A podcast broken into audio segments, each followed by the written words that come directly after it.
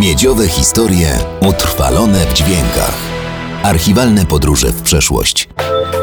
Na audycję zaprasza KGHM Polska Miedź SA.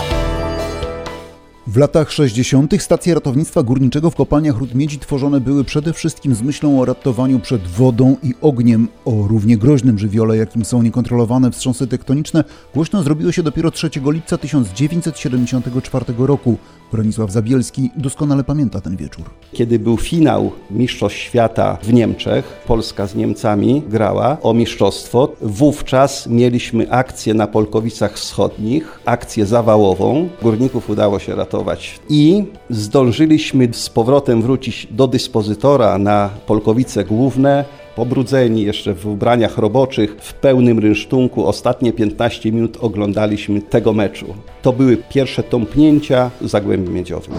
Dalej przebieramy po to, żeby w czasie już bezpośredniej akcji przy odsłanianiu poszkodowanego nie zsuwały nam się masy skalne w dół na te daszki i na pracujących ludzi. Od tamtej pory każda akcja ratownicza po zakończeniu poddawana była drobiazgowej analizie. Wszystko po to, by opracować jak najlepsze systemy bezpieczeństwa. Niestety, na przestrzeni lat natura nie żałowała przykładów do takich opracowań.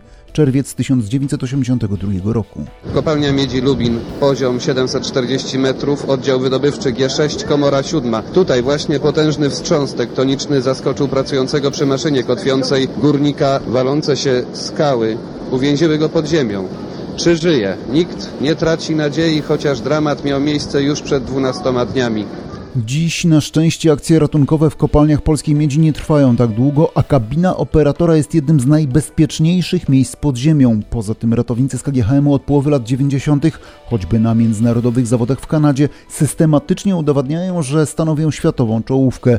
Tego rozwoju nikt nie zatrzyma, przekonuje Piotr Walczak, który przez wiele lat był szefem wszystkich miedziowych ratowników. Sterowanie joystickami czy pełna automatyzacja kopalń nie wykluczy obecności ludzi na dole. Ratownictwo to nie tylko ratowanie ludzi, ale również ratowanie mienia, maszyn, urządzeń, które w górnictwie są bardzo drogie i nawet chociażby z tego względu nigdy nie będzie tak, że ratownicy nie będą potrzebni. Bardzo często ratujemy mienie KGHM.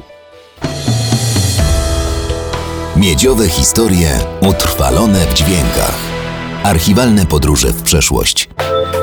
Na audycję zaprasza KGHM Polska Miedź SA.